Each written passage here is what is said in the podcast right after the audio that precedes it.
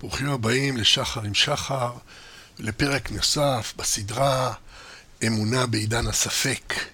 אנחנו ממשיכים לעסוק בשינויים מבניים שמאפיינים את התקופה שלנו, שינויים מבניים במרחב האנושי אה, שבעצם יוצרים מרחב אנושי חדש, שעימו מתמודד היחיד, אה, וגם ממנו נהנה היחיד, אה, באשר הוא, משום שהוא נולד לתוך העולם הזה. זה בעצם סקירה של היבטים שונים של עולמנו, שאי אפשר להימנע מהם, שכל תפיסת עולם, כל מסורת, כל מבט על המציאות, צריך לקחת אותם בחשבון, כי הם חלק מהמציאות, הם מהווים את התשתית של המציאות, ובעיקר אני מתמקד בדברים שהם אה, חידושים שבעצם התרחשו בעולם מאז, אה, אה, אחרי מלחמת העולם השנייה למעשה, אה, שזה התקופה של, של תחילת עידן הספק. אני מגדיר אותה כתחילת עידן הספק, משום שזה אחרי מלחמת העולם השנייה, הרבה דברים שבמשך מאות ואלפי שנים אה, התמידו אה, ללא שינוי והיו חלק מהתשתית המציאותית של כל המסורות, של כל תפיסות העולם שלנו, אה, בעצם התפוררו והשתנו. ביניהם שוחחנו כבר על המצב של הגזענות, תפיסת הגזע שהתפוררה אחרי הזוועות של המלחמה הזאת, שינוי בתפיסות המגדר, ודיברנו על שינויים מבניים שבתחום הכסף, בתחום האקדמיה, ועוד שינויים רבים מאוד שהתרחשו מאז מלחמת העולם השנייה, וכמובן שברקע גם ממשיכות המסורות לפעול, והמסורות יש עליהן כל מיני אה, נקודות לחץ שבהן נדון בשיחות הבאות. אה, השיחה הזאת היא השיחה בעצם האחרונה בסדרה אה, שעוסקת בשינויים המבניים. אחרי זה אנחנו נעסוק במה שאנחנו נכנה נקודות הלחץ על המסורת. למרות שגם הם, הנקודות לחץ האלה, גם הם סוג של שינוי מבני. אה, זה רק גוון אה, כזה או אחר באופן שבו אנחנו מכנים את זה. אה, כולם מאפיינים של המודרנה המאוחרת, המודרנה הנוזלית, המודרנה הנוכחית, המודרנה המודרנית, תקראו לזה איך שתרצו, אני קורא לזה עידן הספק. הכוונה לתקופה הנוכחית שלנו עם המהפכות מרחיקות הלכת שלה בחיי אנוש. אה, מאז אה, מלחמת העולם השנייה, והפעם אנחנו נדבר על אה, תקשורת ווירטואליה, כן, המובן מאליו, פודקאסט זה, שיחות אלה מוגשות לכם באדיבות התקשורת והווירטואליה. לצד הכסף והאקדמיה, ממלאת גם התקשורת תפקיד מרכזי בהתפתחותו של עידן הספק. התקשורת היא המעטפת הסובבת את הפקת הידע הרצינית והרשמית, עטורת הכיבודים של האקדמיה, והיא מעבירה ידע באשר הוא, רכילות באשר היא, ועוד הרבה למעלה מזה. למעשה, אם אנחנו מדברים על מרחב קיומם של אחרים, התקשורת היא ההנכחה המיידית, המוחשית והנגישה של מרחב זה בידי כל יחיד, בהיותה כיום בידי כל אדם, בכל מקום. וגם כאן, כמו בכסף, כמו באקדמיה, מדובר במימד המקשר בין כל חלקי האנושות באשר הם, ללא הבדל דת, גזע, לאום או מגדר. צריך רק יכולת קליטה. גם אם אתה כזה שצריך לחבר צלחת לוויין לגנרטור באיזו פינת ג'ונגל נידחת כדי לקלוט את השידורים. ביוני 2012, מדובר פה על סטטיסטיקה מלפני יותר מעשר שנים, מן הסתם היום זה כבר הרבה יותר, ביוני 2012 יותר מ-2.4 מיליארד בני אדם, מעל לשליש מאוכלוסיית העולם השתמשו בשירותי האינטרנט. אך בשנת 2015 כבר עמד מספרם על 3.2 מיליארד, ובזה הגיע שיעור חדירת האינטרנט לתוך כלל אוכלוסיית האדם על פני כדור הארץ ל-43%. מכל, מבין כל בני האדם המקושרים אלו לאלו באמצעות האינטרנט, כשני מיליארד חיים במדינות מתפתחות, רוב הקישוריות הזאת היא ניידת. בראשית שנת 2018 הגיע מספר המשתמשים לכדי 4.2 מיליארד בני אדם, שהם 54.4% מכלל אוכלוסיית העולם. אה, אה, אם לוקחים בחשבון שיש בעולם גם כמה ילדים שעוד לא הגיעו לגיל הגוגל, אז מדובר ברוויה עמוקה, ואם לוקחים בחשבון שמאז אה, לקינו בקורונה, מאז, נדמה לי 2019, נכון? קוביד 19. וואו, זה כבר היסטוריה. אז בקורונה הרבה מאוד אנשים שלא התעסקו ולא רצו פלאפון ולא רצו מחשב ולא רצו זום ולא רצו סקייפ. אכן התחברו ולמדו להשתמש באינטרנט ולמדו לעשות קניות מהבית. אז מן הסתם היום המכה היא ללא שיעור. למעשה כל בני האדם על פני כדור הארץ, ניתן לומר שהם מחוברים זה לזה, באופן שיכול להיות לגמרי ישיר, אם אתה יודע את מספר הטלפון של אה, אדם כזה או אחר בכל קצוות העולם, אתה יכול להתקשר אליו, אה, במיוחד אם יש לו וואטסאפ או פייסבוק, או משהו שככה מתפרס על פני המיליארדים, או סתם בטלפון. במדיה החדשה, לא רק הידע האנושי הולך ונצבר, לא רק החוכמה הצפונה באותיות הכתב, אלא גם החוויה האנושית מצטברת. החוויה האנושית עצמה. עצם הקיום האנושי על כל רבדיו הולך ונערם ומונגש לכל יחיד בכל מקום. דוקומנטציה ובדיון, מוזיקה וסרטים, תמונות, חוויות, אין ספור סרטוני יוטיוב המתעדים את כל החיים הללו. החוויה האנושית נצברת לטוב ולרע, את הווירטואליה תופסת מקום הולך וגדל בתודעה היומיומית של כל בני האדם בעלי ההתקנים החכמים. ובעולם המראה, כאשר כל אחד מאיתנו כלוא מאחורי עיניו, ואין לו אלא את מראית העין של האחר כדי לדעת שגם שם ניצב אדם, בעולם המראה שבו אין לו ליחיד אלא את מה שתודעתו מפרשת ממה שעיניו רואות, מה ההבדל בין וירטואליה למציאות? שהווירטואליה מוגבלת למסך? לא לזמן רב. וכשאתה בתוך העניין, מי שם לב למסך? וכל הקיום הזה נערם שכבה על שכבה, הכל נגיש, הכל נמצא, הכל הולך ומתגלה. כל הקלאסיקה קיימת, כמובן, ואנשים חוזרים אל מסורותיהם ומעלים גם אותן, אופנות באות והולכות, אבל כאשר הן עולות לעולם הדיגיטלי, הן ניצבות לעד לצד כל מה שעבר קודם לכן. זיכרונה של האנושות הולך ונאגר, דבר לא הולך לאיבוד, וגם את האבוד מחפשים עתה ומשיבים. מעלים את כל העבר ומתעדים את כל ההווה, חושפים עוד ועוד רבדים ואפשרויות, ויוצרים עוד ועוד מחשבות, תמונות, צלילים וחוויות, והכל מצטבר יחד ליצור מרקם דחוס ועבה, שהוא המחשבה הכוללת של האנושות, הזמינה לכל אדם, ולא רק למומחים. וזו הנקודה הקריטית, לא רק למומחים, המערכת היא אגליטרית, ובאינטרנט לא רק שהכל זכור, אלא הכל בר חיפוש. כמה פעמים אתה נזכר במשהו שקראת, היכן שהוא במעורפל, ובספר מודפס, לך תמצא את זה. אבל באינטרנט, מיד.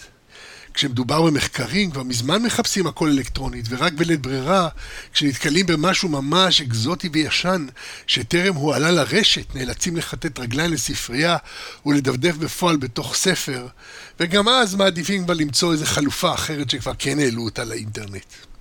פעם רק הרב עובדיה זכר הכל. היום אפשר כבר למצוא הכל ברשת, ובכל פעם שמישהו צריך ידע ממוקד על נושא כלשהו, גוגל הוא הכתובת האוניברסלי. מצד היחיד, הידע השלם כבר אינו בר הכלה, פשוט כבר יש יותר מדי ממנו. אך גם ידע שאינו בר הכלה הוא בר הנגשה. הנגישות של הידע בעולם של התמחות מאפשרת לכל אחד ליהנות ישירות מעבודתם של המומחים בהתאם לצרכיו. עבודות שהן פרי מאמציהם של חיים שלמים מוזרמות לאינטרנט ועומדות לרשות מי שזקוק להן. פרופסורים לדורמטולוגיה שראו אלפי מקרים ייתנו לך ייעוץ עבור האקזמה הפרטית שלך. הוי, אמרה לי אחת המאמינות, אי אפשר לתאר את מה שקורה היום ברכבת. כל אחד עם הטאבלט שלו, עם הפלאפון שלו, כולם עם אוזניות, דממה בקרון, אף אחד לא מדבר, אף אחד לא מסתכל על הנוף. כן אמרתי, אבל לכל אחד מול פניו יש חלון חדש של מציאות אנושית מרתקת, המותאמת אישית לתחומי ההתעניינות שלו. אמנם הנוסעים אינם מנצלים את ההזדמנות המצבית שנקרתה להם לשוחח עם הגברת המשמימה ממול, או עם האדון נשוא הפנים מימין, אינם מנצלים את ההזדמנות הנפלאה שנקרתה להם לראות את המחצבה הקטנה בזנב רכס הכרמל, את הרכב, הרכבת חולפת על פניה, בדרכה אל שדותיה המאובקים של חדרה המעתירה. כנגד זה הם אוחזים בחלון קטן על מציאות אחרת, מציאות של שיח, דמיון, משחק, חוכמה, כתיבה, תקשורת. זה כותב וזה קורא, זה מאזין למוזיקה וזה רואה סרטים, זה מצ'טט בפייסבוק, וזה משחק קנדי קראש וזה עושה עסקים. כל אחד והחלון שלו לפיסת המציאות שהולכת איתו לכל מקום, לאנשים שמלווים אותו, לנושאים שמרתקים אותו, וכמה נורא לקשיש המשועמם, התקוע מול המחצבה ללא התקן חכם. אין עם מי לדבר, סתם שעמום. אולי כדאי שהוא יאזין לאיזה פודקאסט. עם הזמן הולכת הנגישות וגדלה. פעם היית צריך לדעת אנגלית כדי לקדוש באינטרנט, ואפילו כדי לצפות בסרטים עדיין היה צריך רמה מסוימת של אוריינות כדי לקרוא את כתוביות התרגום החולפות ביעף. באיזה גיל הצלחתם להספיק לקרוא את התרגום? שמונה? עשר? שתים עשרה? עשרים? כך, בשלבים הראשונים של עידן הספק, עוד נשמר מידור כלשהו בנשיאת התכנים הגלומים בכל סרט אל כל קצווי תבל. אך ככל שהתקדם העידן הנוכחי, הלכה והתעמקה ההפצה הבינלאומית של הסרטים לכל אוכלוסיות תבל. הסרטים, הסתמיים ביותר, נושאים את תכני עידן הספק לכל מקום. ניקח לדוגמה את הסרט פרוזן, שבעברית יצא תחת השם לשבור את הקרח. מעבר לאנימציה הדיגיטלית המדהימה, ההולכת ומתקרבת למציאות וירטואלית ממש, התכנים כוללים את כל נכסי צאן הברזל של העידן הנוכחי בתחום הרומנטיקה והשאיפות האישיות, כולל אהבה ממבט ראשון ויציאה של מלכת קרח מהארון. הסרט דובב על ידי אולפני דיסני לכתחילה ל-41 שפות, כולל מילות שירים שנכתבו בפשטות יתרה כדי להקל על מלאכת התרגום. הסרט שבר קופות בכל העולם ודיבר את כל שפות העולם, מופת מדהים של גלובליזציה במנעד לוקליזציה. מומלץ לחפש ביוטיוב אה, את השיר אה, Let It Go מפרוזן ב-42 שפות. גרסה, אפשר לראות גרסה מדהימה של אותו שיר, ופשוט כל, אה, כל שנייה מתחלף, מתחלפת שפה. אה, זו דוגמה מופתית לאופן שבו הלוקליזציה בעצם חודרת לעומק, ואנשים לא צריכים כבר לדעת שפות זרות בשביל לקבל את התכנים הזרים, או את התכנים האוניברסליים למעשה, כי מהו הזר כשהאוניברסלי מתורגם לשפתך הסרטון הזה הוא כמו שיקוף בזעיר אנפין של כל מהלך עידן הספק, המפיץ את תכניו החלופיים על פני תבל. עם כל שפה שמתחלפת, דמיינו את מיליוני האנשים באותה מדינה הצופים בסרט זה לצדכם בשפתם, בהפצה בו זמנית על פני תבל. כולם שותפים לאותו תוכן. שהופך לחווייתנו המשותפת, חוויה של מוסיקה, צבעים, מעשים ותכנים שהופכים את הכל לחלק מאוצר החוויות המכוננות את האישיות, אוצר המשותף ליחיד ולכל מאות מיליוני בני האדם המאכלסים את מרחב קיומם של אחרים, שצפו בסרט זה בשפתם ונחשפו למסרים המרכזיים של עידן הספק הכלולים בו, נאמנות לעצמי, מרי, יצירתיות, התנערות מאשמה, פריקת מגבלות המגדר, עצם החשיפה התקשורתית הרב-לשונית הזאת יוצרת שותפות כלל אנושית רחבה הודות למספר העצום של האנשים שנחשפו לתודעות אלה. כל התרבויות רוצות לחדור לכל התרבויות, והמגמות נפגשות. כולם לומדים אנגלית כדי שיוכלו לדבר עם כל אחד בכל מקום, אבל כשרוצים להעביר מסר, או יותר טוב למכור מסר, עושים תהליך הפוך ומתרגמים כדי שכל אחד יבין בשפתו. לפני יותר ממאה שנה התלבט הראיה קוק בשאלה שמאוד העסיקה אותו אה, ביחס לממשק עם הריבוי, עם השפע של העולם האנושי, וכתב, שאל מין שאלה כזאת, איך משאירים את כל הטוב שבעולם הרוחני בעינו, בעין מגרעת, אחרי כל מהפכה שהשפעה זרה מחוללת, ואיך שואבים מן הכל רק את הטוב והאמת הישר וההגון. עכשיו בא עידן האינטרנט וחידד את השאלה. מאחר והתברר שהמגמה אינה דווקא לקלוט תמיד את היותר טוב, יותר בריא ויותר הגון בכל קיבוץ. האינטרנט, המאפשר ליחידים לשפוך את כל תכולת נפשם אל המרחב הציבורי, מהווה קיבוץ שלא היה כמותו מעולם, שמזרים אל נחלת הכלל לא את היותר טוב, יותר בריא ויותר עדין, אלא את הכל. את כל מה שיש בנפש האנושית, מטוב ועד רע, מנעלה ועד שפל, מנשגב עד מדולדל, מישר עד עקום, מטהור עד טמא וכל מה שביניהם. מעבר להם ומתחתם, בכל האופנים של דיבור וקול, כתבים וסרטים, איורים וכישורים, והכל מיידי בכל מקום, בכל עת, בכל רגע. האינטרנט הוא החידוש הראשון שהומצא בידי אדם, המאפשר חציית גבולות בלא לחצותם. אופיו הווירטואלי מאפשר לאכול את העוגה וגם לשמור עליה. הוא מאפשר קשר בין אנשים שהמסורת אינה מתירה מגע ביניהם, כמו נשים דתיות וגברים דתיים שאינם בני זוג הנפגשים אנונימית ודנים בענייני אמונה ועניינים אחרים הקשורים לקיומם הדתי בפורום חדרי חרדים למשל, שזה האתר החרדי הגדול בעולם, ככה לפחות הוא מפרסם את עצמו. יהודים עם גויים, סינים עם בני אנוש אחרים, ברהמינים עם טמאים, בני עשרה עם קשישים, וכל זאת בלא לפגוע רשמית באף אחד מהכללים של המסורות. הנשים והגברים אינם מתייחדים, היהודים והגויים אינם סועדים יחדיו, הסינים אינם שותים תה עם אחרים, הברהמינים לא נוגעים בטמאים, ובני העשרה והקשישים לא יודעים זה את גילו של זה, ומתחברים רק לאורך קווי תפר משותפים. כמובן שעם הזמן נשפך האינטרנט לתוך החיים, והמערכות המסורתיות כבר מודעות לסכנותיו, והן נוקטות צנזורות למיניהן. בעולם החרדי כבר התבטאה ההנהגה בחריפות נגד האינטרנט, ושלטי הכשר של כאן אין אייפון או אינטרנט, מן הסתם נוסחו המודעות לפני פריצת מערכות ההפעלה אנדרואיד לשוק בסוף 2008, כמעט שנה וחצי אחרי האייפון. מודעות כאלה כבר נמצאות בכל מקום, ובחוגים מסוימים מי שמסתובב עם מכשיר אסור, דינו כמי שמורה בדברי חכמים, והוא מצא עצמו מהר מאוד במדבר סוציולוגי של הסוטה מכללי החברה.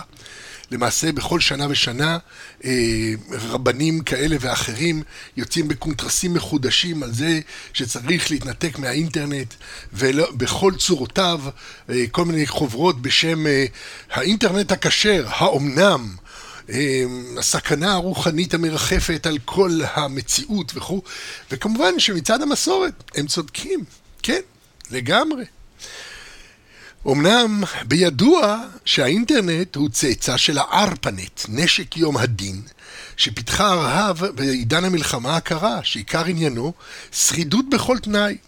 ולנוכח מקורות וי-פיי מתרבים, קשה לראות כיצד יוכל גם ה micro-management היותר דקדקני לעקור את הכול.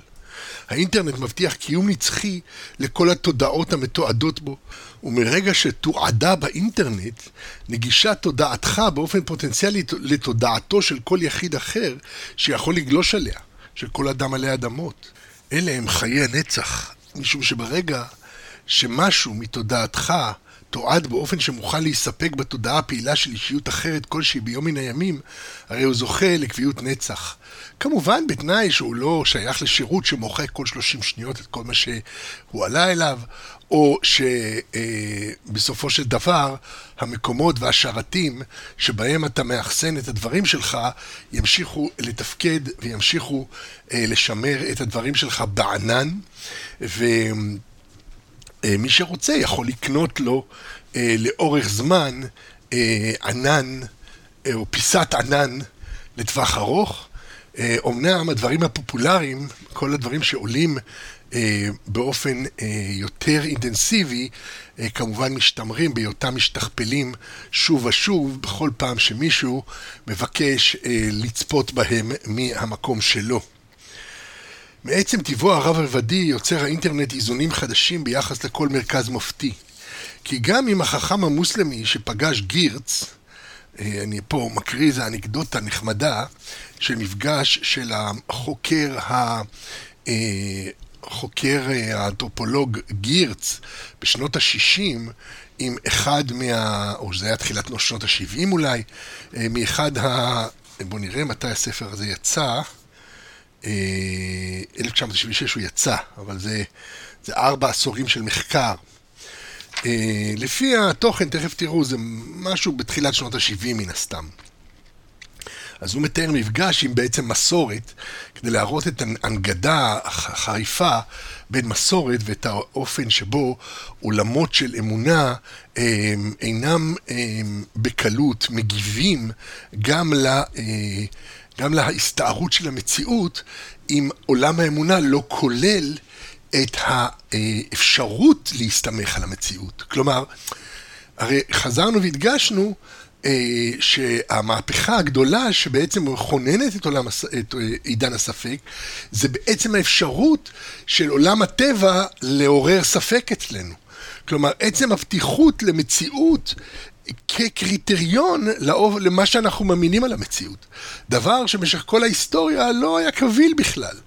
וזה היה החידוש הגדול של עולם הספק. אז פה יש תיאור בעצם של מפגש, אני תכף אקרא אותו, של מפגש בין שתי העולמות, בין העולם הספק, שהמציאות האמפירית שבו היא קובעת למעשה את המקום שבו אנחנו מסתכלים על המציאות. התיאוריות והאמונות שלנו הן כל הזמן מסתכרנות עם הדברים החדשים שנודעים לנו, לעומת עולם המסורת שיש לו קריטריון ברור והוא מכיל אותו על המציאות לכתחילה. גירץ מתאר עימות שהיה לו עם חכם מוסלמי באצה שבסומטרה על הנושא של מדע אמריקאי מול מדע מוסלמי. התאספנו במסגרת מעגל צפוף של תלמידים, אה, כאשר המורה ואני עומדים בשטח פנוי במרכזו. המורה שאל אותי אם אני מאמין שאסטרונאוטים אמריקנים אכן נחתו על הירח. אמרתי, כן, אני מאמין, אך אני מבין שהרבה הצינזים לא מאמינים בכך. תלמידים רבים צחקו. המורה אמר ששום מוסלמי לא יכול להאמין בכך, מפני שקיימת מסורת של הנביא ביחס למבול של נוח, לפי האוקיינוס עצום נמצא בין כדור הארץ לירח, והוא המקור למבול. לו היו אמריקנים נוסעים לירח, הם היו מנקבים חור באוקיינוס זה, והיו גורמים למבול כמו זה של נוח ומטביעים את כולנו. לא ידעתי בדיוק מה לומר על דברים אלה, ולכן הסתפקתי בכך שתיארתי כמיטב יכולתי את דעתו של המדעם הערבי על הירח, מקורותיו, מדוע הוא מאיר וכן הלאה.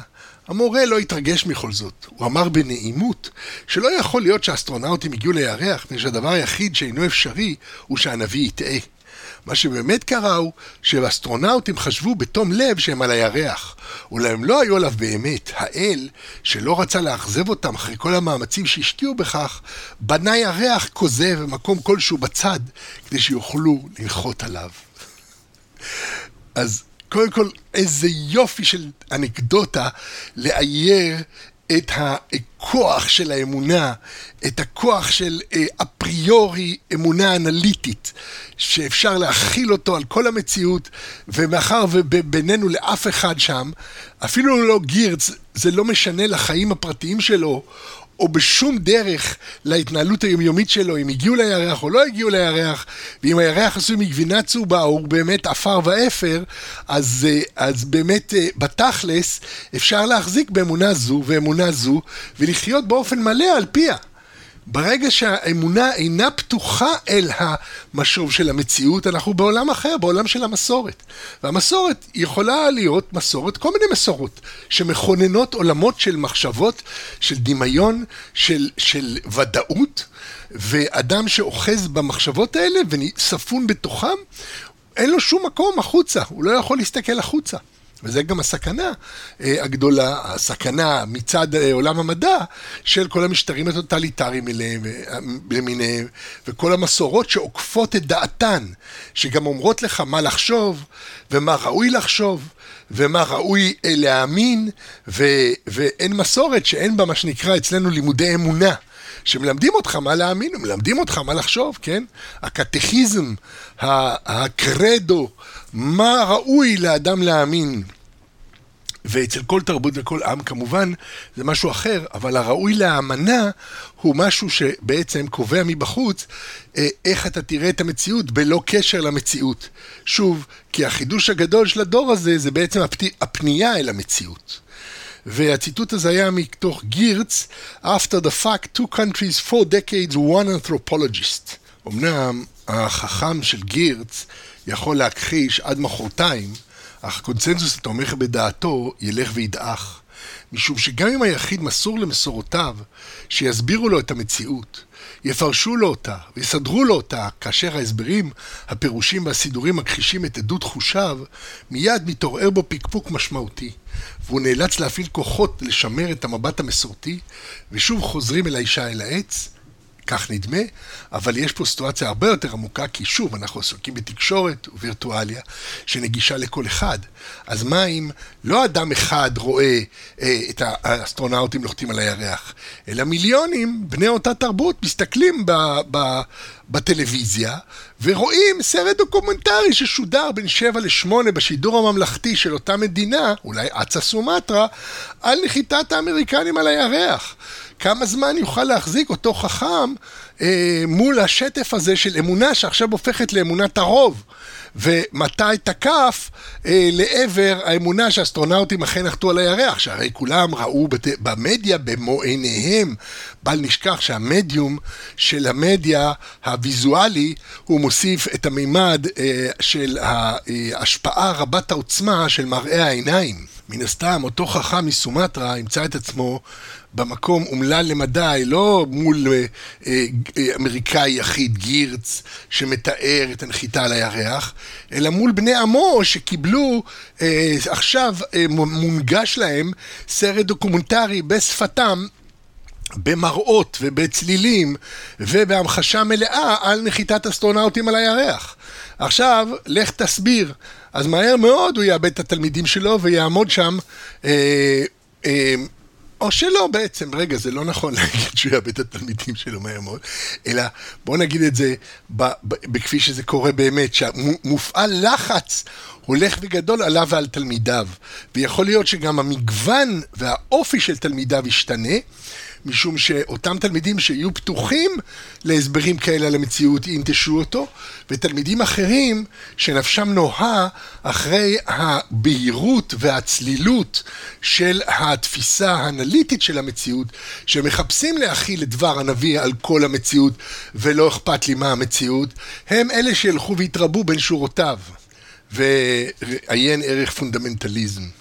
זה ודאי נאיבי לחשוב שבעידן הבחירה אנשים יבחרו רק במה שמרחיב את הבחירה שלהם, ולא להפך, ינהו אל מה שמצמצם את הבחירה שלהם, כאשר הצמצום של הבחירה אה, הוא אחד מהדרכים הטובות ביותר לשמור על שפיות בעולם מלא תהפוכות ואי סדר. היה אחד, איזה, אחד המלחינים היותר, אה, אני לא יודע לקרוא לזה בעייתיים, אבל בוא נגיד שאני לא בדיוק ה...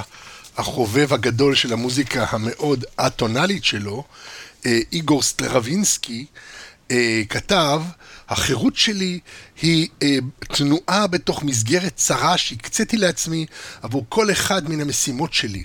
אני אפילו אמשיך ויגיד ביתר אה, קיצוניות, החירות שלי תהיה הרבה יותר גדולה ויותר משמעותית ככל שאגביל יותר בצורה צרה את תחום הפעולה שלי ויותר יקיף את עצמי במכשולים.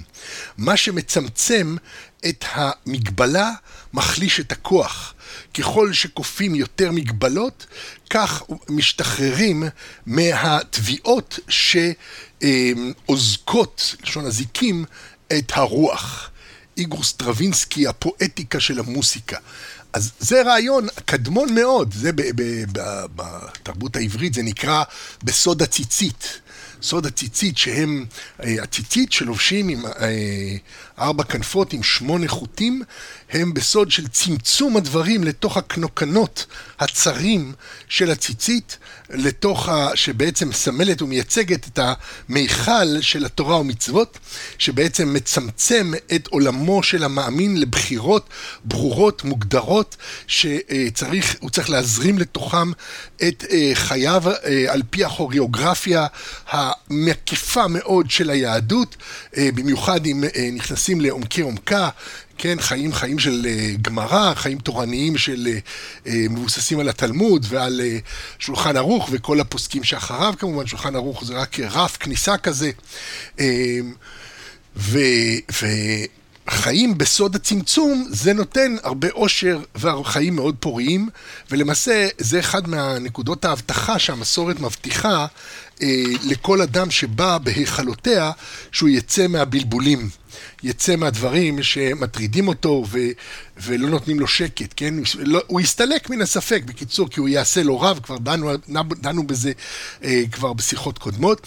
אה, אומנם הלחץ המבני של אה, האינטרנט והתקשורת ממשיך לפעול ללא הרף, והלחץ המבני הזה הוא זה שמעסיק אותנו פה.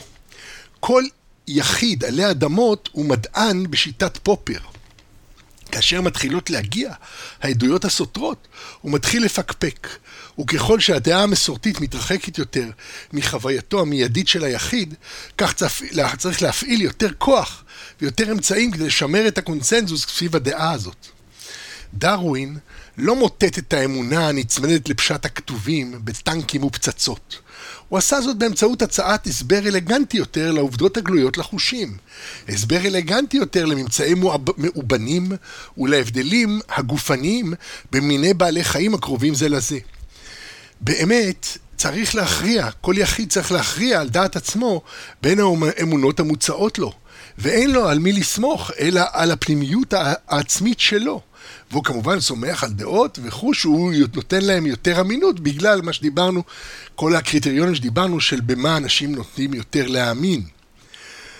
השילוב הקטלני בין מדע ואקדמיה כמרכז התרבות והמדיה כתווך המקשר בין כולם, הוביל לנגישות של הכל אל הכל מחד, ולאי נגישות של הכל אל מרכזי ההפקה של הידע. ההמון יכול להיות עדיין בור, אך יש לו נגישות לידע.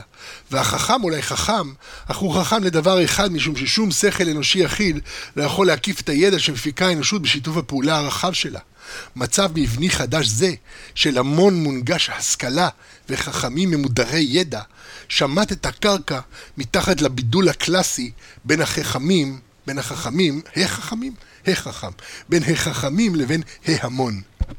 הדמוקרטיזציה הזאת קשה למסורות, משום שהמסורות נישאו באופן קלאסי בידי החכמים הנערצים של התרבות, ולכן הן נוטות לשמר תפיסת עולם היררכית ברורה של מי הוא מי. אולם בעידן הספק אין עוד חכמים, יש רק מומחים. ובזה יש חתירה עמוקה מתחת למסורות המחלקות בין ההמון למורמים מעם, ואינן מבחינות בגדולתו של היחיד ההולך ומשתלט על מכורתו. הסודות כבר אינם נחלתם של החכמים בלבד, וחוכמת סוקרטס זמינה לשפיטת קול באינטרנט. ההמון איבד את בריאותו ואת תמימותו, והתפצל ליחידים שלא כולם יודעים בדיוק את נפשם. אך הם יכולים לדעת משום שכל המבנים הנוקשים שמנעו מהם לדעת התמוטטו, ויש כבר עורכות דין ורופאות בעולם, חדשה מרעישה ביותר. די מזעזעת אפילו לרגישויות של הדור הישן. האנושות כולה, ללא הבדל דת, גזע, לאום או מגדר, זכאית לכל מה שהאנושות עשתה. כל מה שיחיד חידש בזמן מן הזמנים הוא זכותו של כל אדם עלי אדמות באשר הוא, וזכות אבות זו היא מורשת העידן הנוכחי לכל יחיד ויחיד, וכל הידוע נמצא בהישג ידו.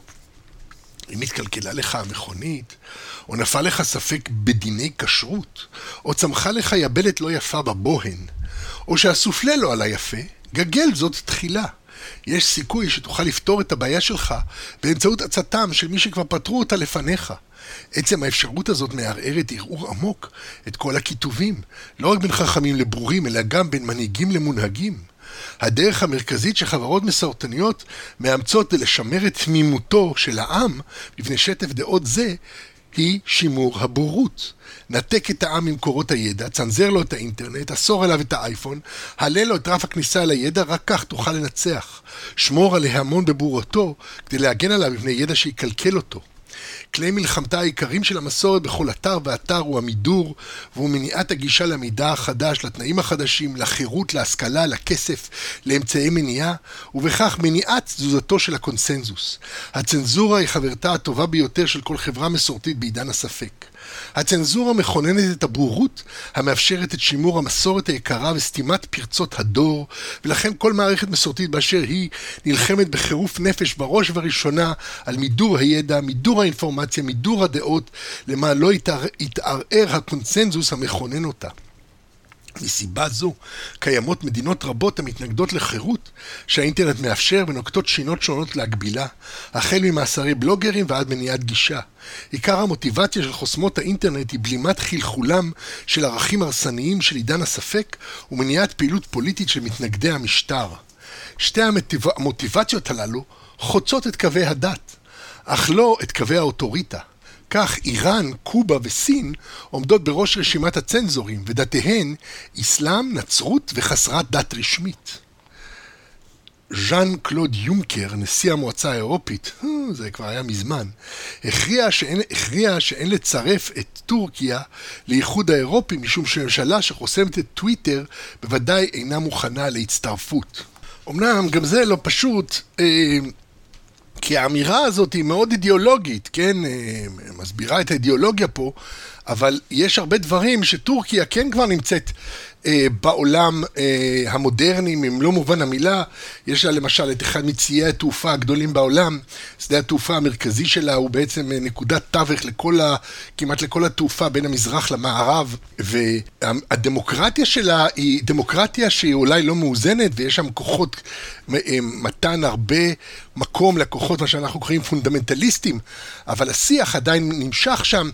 זה לא פשוט, זה לא מובן מאליו להעביר פס על טורקיה בגלל שאין שם טוויטר. אבל יש כאן רמז ברור לקווי המערכה, כי טוויטר אה, זה בדיוק המקום הזה שכל יחיד מצייץ את דעתו, המקום היותר... אה, אולי קצת אה, שמבזה את עצמו, למה זה ציוץ? למה טוויט?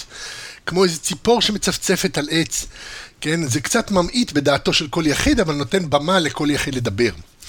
Uh, בכל מקרה, uh, המדינות מתחרות כל הזמן על המרכז הזה, וטורקיה יש לה אקדמיה לא פחות מפותחת ממקומות אחרים בעולם. Uh, הכסף שם זורם כמו בכל מקום בעולם, ומן הסתם גם ה... התקשורת שלה יודעת להיות מאוד מאוד חילונית, כך שאני לא בטוח שנשיא המועצה האירופית אה, בחן לעומק את כל הממדים שאופפים את טורקיה. ברור שהקריטריונים הדמוקרטיים חשובים מאוד, אבל אה, הקריטריונים הדמוקרטיים הם רק חלק מהתמהיל, והעובדה שאנשים בטורקיה אה, באופן דמוקרטי מעדיפים מדינה שיש לה קווים מוסלמיים חזקים, למרות היותה דמוקרטית, היא עובדה שקשורה לדעת הציבור, ודעת הציבור אה, משתנה יותר באמצעות התקשורת ופחות על ידי סנקציות. אבל שוב, זה גם אמירות אה, שהן לא לגמרי יכולות לכסות את כל מה שקורה במציאות, שכאמור אנשים מנתקים את האינטרנט שלהם, אנחנו רואים שבכל מקום, גם מדינות דמוקרטיות, גם מדינה היפר דמוקרטית כמו בארץ, שכביכול יש ייצוג לכל אה, מגדר, מגזר, או, או כל מה שאתה יכול לתת לדעת, כמובן זה גם לא נכון, אה, כן, אה, הם לאט לאט מעלים את הרף בטענה של אה, אחוז חסימה שהוא יקצץ, בעצם סותמים את הפה לכל דעה חולקת, ונשארות רק מפלגות גדולות שלא אומרות כלום, שלוקחות את הקול שלך ועושות מה שהן רוצות. אה, אבל לא ניכנס עכשיו לפוליטיקה בישראל. עוד נושא רוכש, אה, אבל בואו נדבר על הדברים המבניים, והדברים המבניים הם שם בכל מקום, בכל מדינה, בכל תרבות. כל מסורת וכל משטר לוחמים בעידן הספק מסיבותיהם שלהם. הדתות נלחמות בדרך כלל בחילוניות המודגשת, והמשטרים האוטוריטריים בעקרונות החירות וזכויות האדם המודגשות שלו. כך או כך, הבורות המשמרת בפני דיסוננסים היא האמצעי הטוב ביותר לשמר מסורת ולמנוע תסיסה, והיא כמובן גם האמצעי המכונן החזק ביותר לאפליה ודיכוי, תוך שהיא מונעת מבני האדם את הזכייה בטובה המנוחלת להם מאחיהם בני האדם. נאמר במסורת העברית שכתר תורה מוטל בקרן זווית. כל הרוצה יבוא וייטול, ויזהרו בבני עניים שמהם תצא תורה. אך איש לא ציפה שיעלו את כתר התורה לאינטרנט, כדי שידי כל ימששו בו, או שכל זב וצרוע יוכל לבדוק אחרי מראה המקומות של הרב עובדיה, או שלכל בן עני יהיה פתאום טלפון חכם עם נגישות לספריית הלכה שתבייש כל ישיבה. הדיכוטומיות נשברות. החכם בעידן האינטרנט כבר אינו חכם, באשר גם חוכמתו אינה אלא טיפה בים הגדול של חוכמת האנושות. וההמון, העני בדעת, כבר אינו מנותק מערכתית מדעתו. הוא יכול ללמוד, הוא יכול להבין, הוא יכול לקרוא, והגרוע מכל, הוא יכול גם לגגל ספציפית את שאלתו. לא צריך להיות מומחה לפיזיקה כדי לגגל למה השמש בוערת, לא רופא כדי לגגל מה לעשות עם כאב הגב שלי, ולא רב כדי לגגל האם מותר לבשל דגים בשמנת. זהו המון אוריין ומסוכן מאוד עם אצבע קלה על הדק הגוגל, והרי בידוע שמעט ידע מזיק הרבה. עם כל הזעם והזעזוע לנוכח אמנויות הפרופגנדה המסיתות את דעת ההמון, אנו רואים שהאינטרנט הוא תרופה חזקה לפרופגנדה גורפת, בדיוק כפי שהוא מאפשר אותה. ולכן הוא עומד בלב ליבו של עידן הספק. יש דעות אחרות, בין אם נצדד בהן, בין אם לאו. ואין דעה שהיא באופן אוטומטי הדעה האולטימטיבית הנכונה. ואין אמת שאינה צריכה בירור. הרעיון של המון פשוט ונבער, החי על פי עקרונות נוקשים של מסורות, כבר אינו יכול לכסות אפילו את מי שמתהדר באורתודוקציה הנאמנה ביותר. התווך השתנה, וגם האורתודוקסיה נטועה באדמת הכלל ומשגשגת לה בדלת שממול ההטרודוקסיה. והשכנים הם חוקרת אנתרופולוגית, איש הייטק, איש נדל"ן, והבחור החייכן ההוא עם המבט החולמני, שכנראה, כך אומרת בעלת התשובה מהקומה השלישית, לוקח פטריות. בעידן האינטרנט אפילו הנון קונפורמיזם אינו אלא גוון נוסף בזרם הקונפורמי הגדול של נון קונפורמיסטים. ומי שבאמת רוצה להתבדל, ימצא את עצמו מהר מאוד בקבוצה הגדולה והמגוונת של אלו שבאמת רוצים להתבדל. האינטרנט מתמיר את מרחב קיומם של אחרים למרחב שבו מוצאים יחידים אחרים המהדהדים את פנימיותם. אי אפשר לברוח עוד מהשפעת הקשר הדמוקרטי למרחב שבו מוצאים יחידים אחרים המהדהדים את פנימיותם.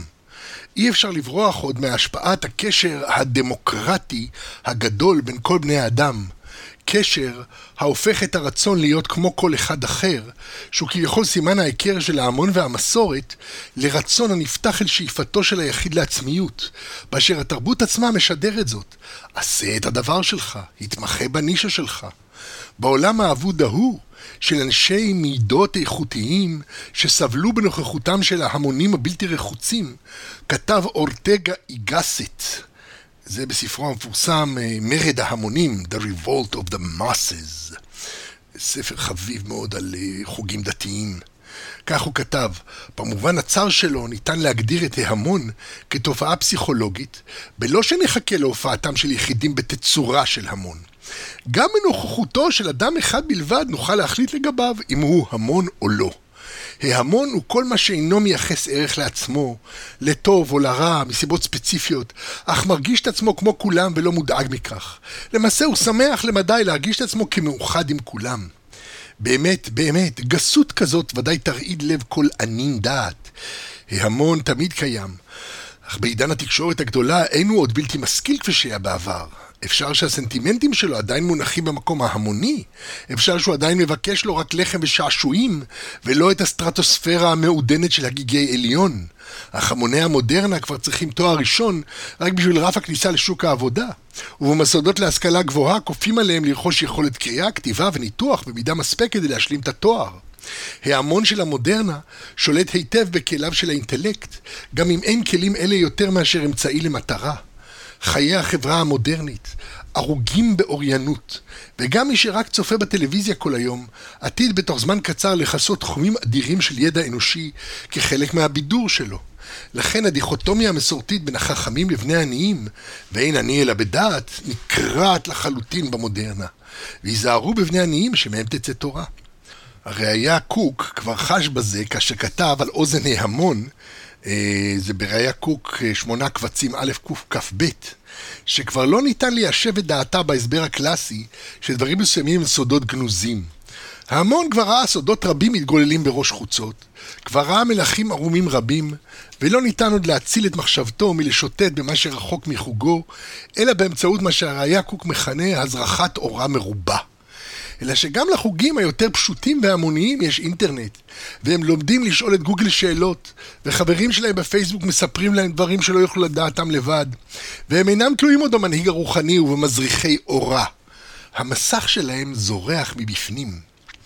באופן זה, התקשורת ואינטרנט במיוחד, עם כל מה שהוא מביא וכל האפשרויות המדהימות שיש בו, אני עכשיו נתקלתי באתר שמלמד אה, מוסיקה, אה, יסודות המוזיקה של אייבלטון, זה אייבלטון אה, זה חברה אה, גרמנית שמייצרת אה, את התוכנה המוזיקלית Ableton Live, אה, שאני אה, כרגע לומד אותה.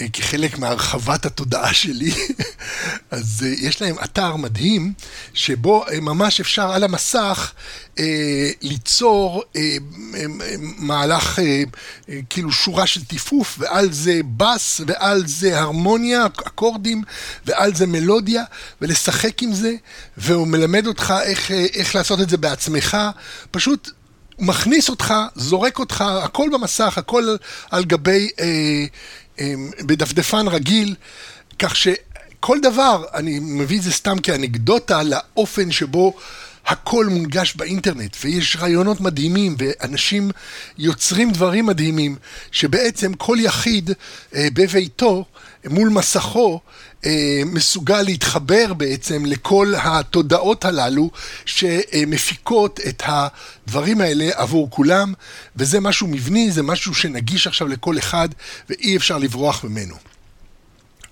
עוד אה, שני שינויים מבניים אה, שאנחנו רוצים לעמוד עליהם בקצרה רבה אה, לפני שנסיים את החלק הזה בסדרה הזאת ונעבור בשיחה הבאה ללחץ ההכרתי על האמונה, לדברים שבעצם משיגים על האמונות, על המסורות מבחוץ ומפעילים לחץ, לחץ ממשי על מסורות, כלומר נדון יותר במסורות ובאופן שבו הן מגיבות ללחצים הללו, ונדון בלחצים ספציפיים שיוצרים, אה, שמכאיבים למסורות, שלוחצים עליהן בעצם להשתנות, וגם זה הוא חלק כמובן מהמרחב אה, קיומם של אחרים בעידן הספק.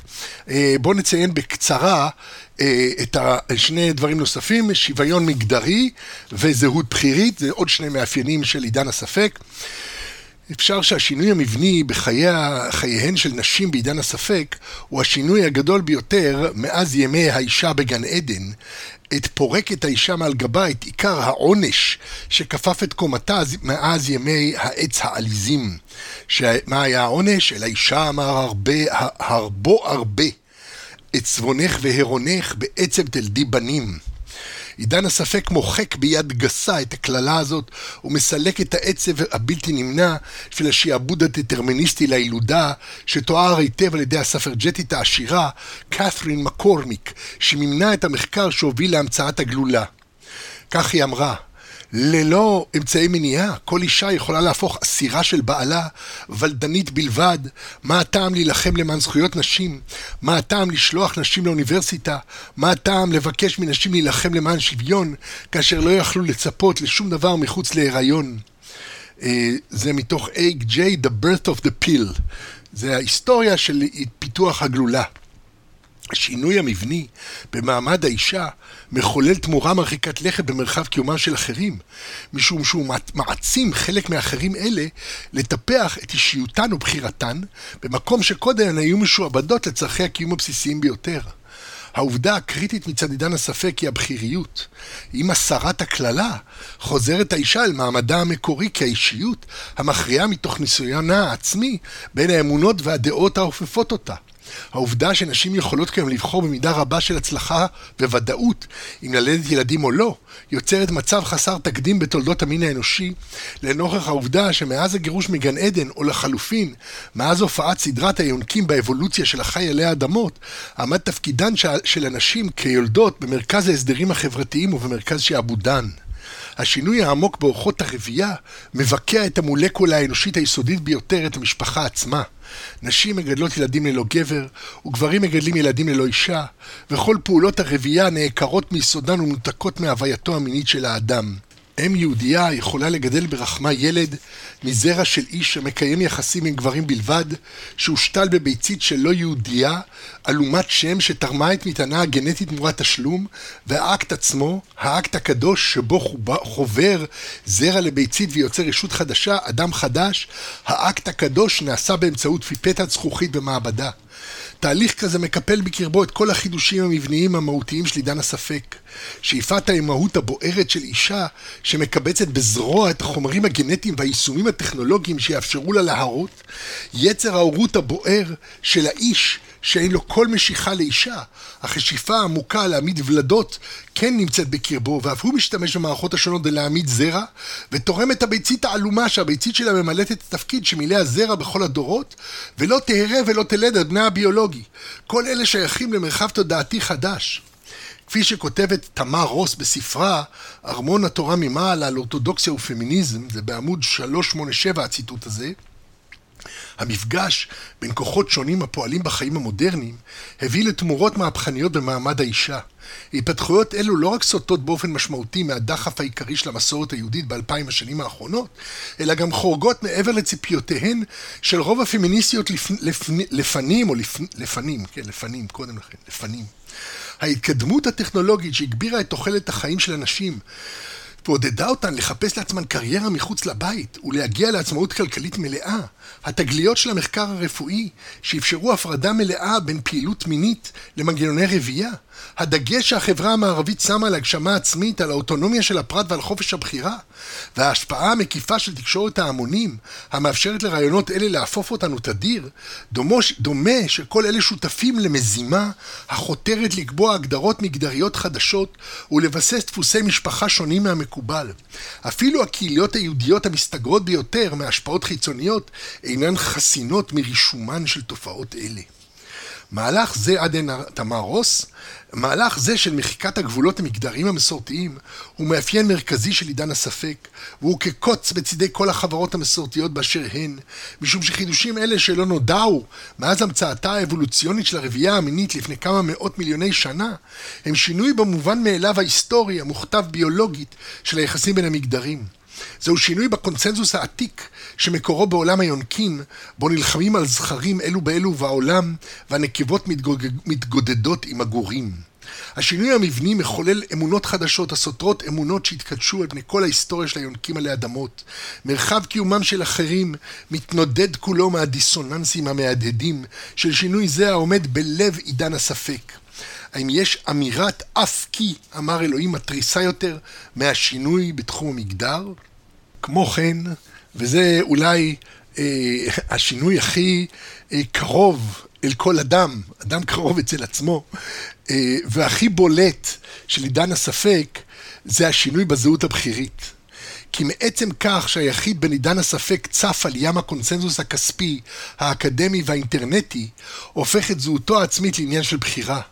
עצם הרב-רבדיות הנגישה של עידן הספק מאלצת רפלקטיביות של האישיות שחייבת להרהר באפשרויות הפתוחות בפניה כדי לבחור כיצד לחיות. אי אפשר להיאחז עוד בכפיית הר כגיגית כאמתלה, משום שהכפייה איננה עוד. כשלא נאמר לך יותר מה להיות ומי להיות, אתה נאלץ להחליט בעצמך. ולמי שלא מכיר את כפיית הר כגיגית, אז זה כאילו, אחד ה... יש סיפור כזה של... שכאילו בני ישראל באו ואמרו, אה, ואמרו לקדוש ברוך הוא, אה, נתת לנו תורה, אבל אנחנו נאלצנו לקבל אותה אה, בכפייה, כי כפת, כפית עלינו את הר סיני כגיגית. מי יכול היה להגיד לא כשההר מוצב מולו עם הקולות והברקים?